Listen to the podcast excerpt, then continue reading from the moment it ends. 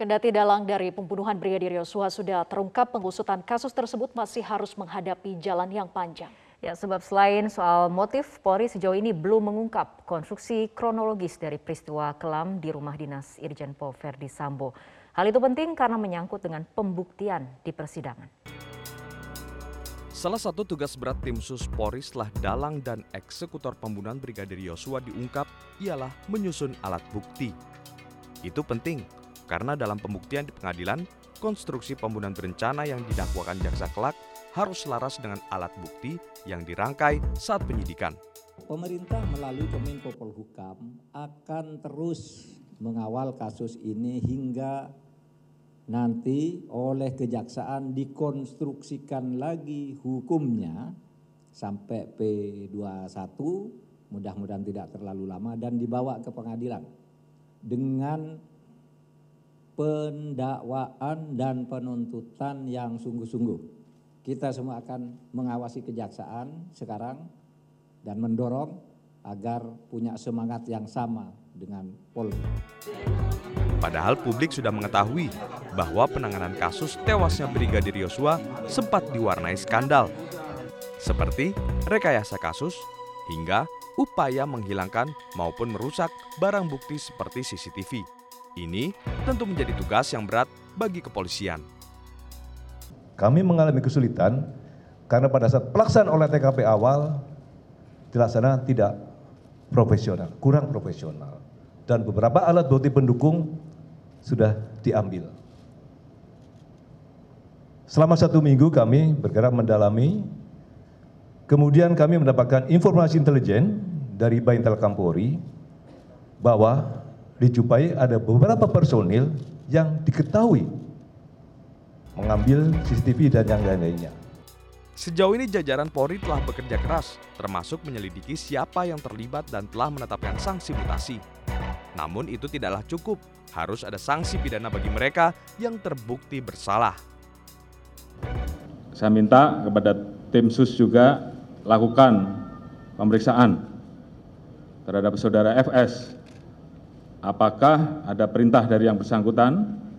Dan tolong segera laporkan hasilnya.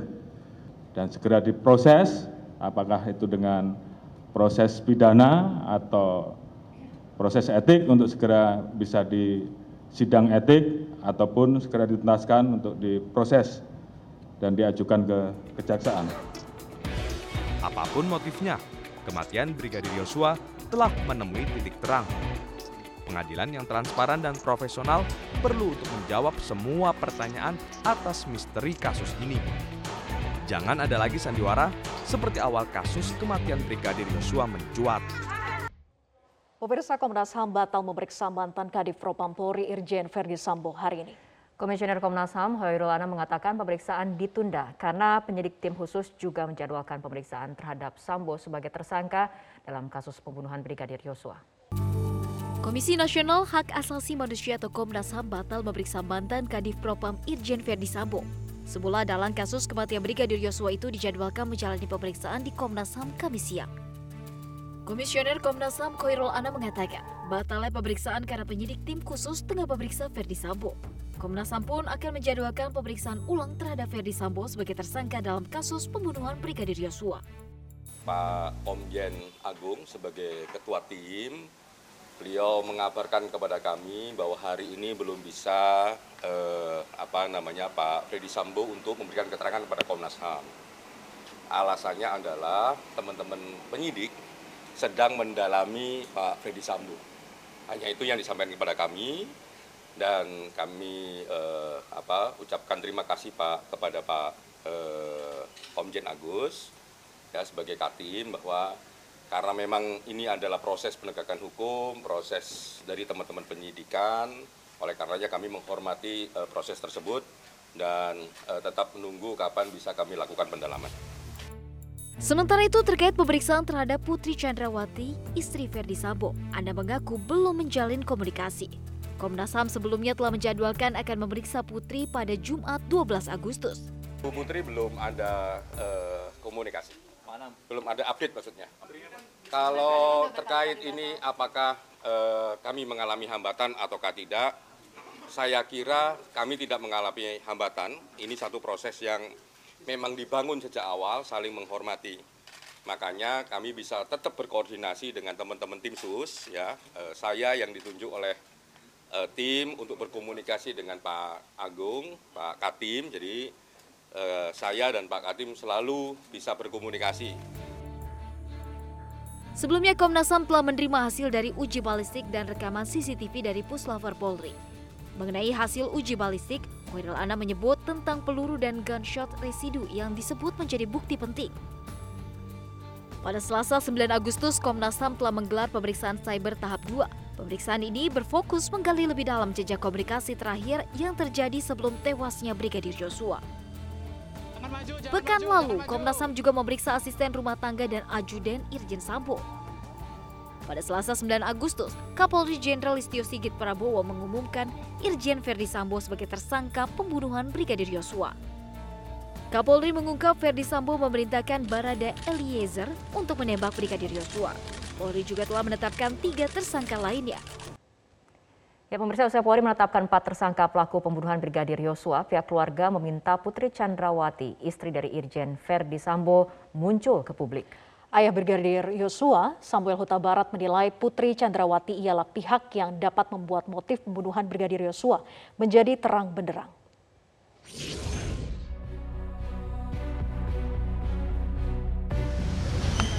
Saya Putri bersama anak-anak. Saya mempercayai dan tulus mencintai suami saya dan saya ikhlas memaafkan segala perbuatan yang kami dan keluarga alami. Di antara berbagai fakta yang akhirnya terungkap dalam kasus pembunuhan Brigadir Yosua, masih ada fakta-fakta yang tersembunyi. Salah satunya yang terkait dengan Putri Chandrawati, istri dari mantan Kadif Propam Irjen Pol Verdi Sambo. Sejak kasus ini menjadi perhatian publik, hanya satu kali Putri muncul ke publik, yakni saat Verdi Sambo dibawa ke Makobrimob Kelapa II Depok, Jawa Barat. Padahal selain empat tersangka yang telah ditetapkan, Putri menjadi satu-satunya saksi kunci yang berada di TKP. Bahkan laporan pertama yang dilayangkan terkait peristiwa ini adalah laporan pelecehan yang diduga dilakukan Brigadir Yosua kepada Putri Chandrawati. Ayah Brigadir Yosua, Samuel Huta Barat meminta Putri mau terbuka dan muncul ke publik untuk mengatakan yang sesungguhnya terjadi pada hari tersebut. Samuel berharap dari mulut putrilah motif pembunuhan Brigadir Yosua dapat terungkap. Dalam ini kami berharap sama Ibu Putri agar ya membukakan dirilah untuk berbicara. Biar semua permasalahan ini terang semuanya. Apa yang terjadi sebenarnya. Jangan ada yang tutup. Masyarakat Indonesia pun mengharap, menginginkan ini, keterbukaan ini. Apa dibalik ini semua? Shock dan trauma itulah yang kerap kali disampaikan oleh pengacara Putri Chandrawati terkait kondisi kliennya selama ini. Kondisi tertekan inilah yang membuat upaya pemeriksaan dan asesmen terhadap Putri Chandrawati kerap tertunda, termasuk oleh Lembaga Perlindungan Saksi dan Korban (LPSK). Padahal Putri Chandrawati telah mengajukan permohonan perlindungan ke lembaga tersebut. Setelah berulang kali tertunda, akhirnya asesmen terhadap Putri Chandrawati berhasil dilakukan LPSK Selasa 9 Agustus. Wakil Ketua LPSK Edwin Bartogi menyebut Putri Chandrawati malu untuk menceritakan ikhwal peristiwa yang dialaminya. Ya memang yang terucap hanya itu. Malu mbak. Hmm. Ya malunya kenapa kita nggak tahu. Tapi berdasarkan pengamatan psikiater kami, psikiater bilang memang Ibu P ini butuh pemulihan mental. Edwin pun mengatakan berdasarkan tim psikiater LPSK, Putri membutuhkan pemulihan mental. Edwin juga menyebut asesmen terhadap Putri telah selesai lantaran keterangan yang diberikan istri Ferdi Sambo tersebut akan sama saja. Selesai karena nggak bisa dilanjutkan. Ya, artinya juga menurut pandangan sementara dari psikolog psikiater kami, kalaupun dilakukan lagi tidak akan ada banyak yang berubah. Hmm. Yang dibutuhkan Ibu P sekarang ini berobat. Minimnya informasi yang didapatkan LPSK menyiratkan adanya kemungkinan LPSK batal memberikan perlindungan kepada Putri Chandrawati. Pemirsa salah satu puskesmas di kota Tangerang, Banten, teledor memberikan obat kedaluarsa kepada balita peserta imunisasi. Dinas Kesehatan Kota Tangerang memberikan teguran kepada petugas puskesmas. Pemberian obat penurun panas kedaluarsa terjadi di wilayah Kelurahan Pondok Pucung, Kecamatan Karangtengah, Kota Tangerang.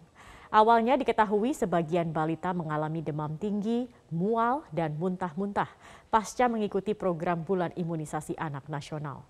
Kondisi ini diduga karena adanya keracunan setelah minum obat penurun panas kedaluarsa yang diberikan saat imunisasi.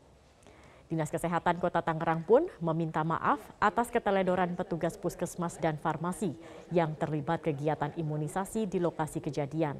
Dinkes pun telah menarik obat kedaluarsa yang sudah tersebar sebagian di masyarakat. Sudah kurang lebih kita kan dua tahun ya, posyandu itu tidak buka, ya tidak aktif karena pandemi. Jadi mungkin obat yang lama ini uh, belum sempat dilaporkan kepada uh, puskesmas ya untuk dikembalikan dan dimusnahkan. Jadi seharusnya memang sesuai prosedur obat-obat ini yang sudah kadaluarsa sudah hanya Komisi Pemilihan Umum mengaku akan ada penumpukan pendaftaran partai politik di hari-hari terakhir tahapan pendaftaran parpol calon peserta pemilu 2024. Pasalnya, masih ada 10 parpol yang belum menyampaikan surat pemberitahuan kapan akan mendaftar. Mengantisipasi kondisi ini, Komisioner KPU Idam Holik mengaku sudah berkomunikasi melalui help desk KPU agar mereka segera menyampaikan surat pemberitahuan dan menjadwalkan 10 parpol tersebut akan mendaftar.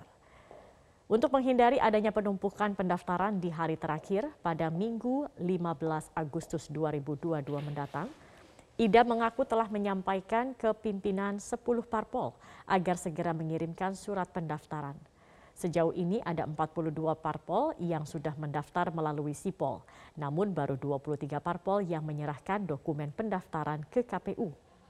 Yang terbaru Partai Kedaulatan Rakyat yang mendatangi KPU untuk mendaftar pada Kamis siang 11 Agustus 2022 sudah berkomunikasi dengan LO maupun pimpinan partai politik agar segera menyampaikan pendaftarannya ya, ya uh, dan sebaiknya pendaftaran itu tidak di hari terakhir, ya. tidak hanya berkaitan dengan pelayanan Uh, tetapi juga ini berkaitan dengan kesempatan ya, kesempatan me, apabila memang berdasarkan hasil pengecekan dokumennya nanti tidak lengkap ataupun ada kekurangan, kan masih ada waktu yang tersisa untuk melengkapi. Betul. Karena uh, pendaftaran akan ditutup pada tanggal 14 Agustus 2022 jam 23 lewat 59 menit. Betul, betul.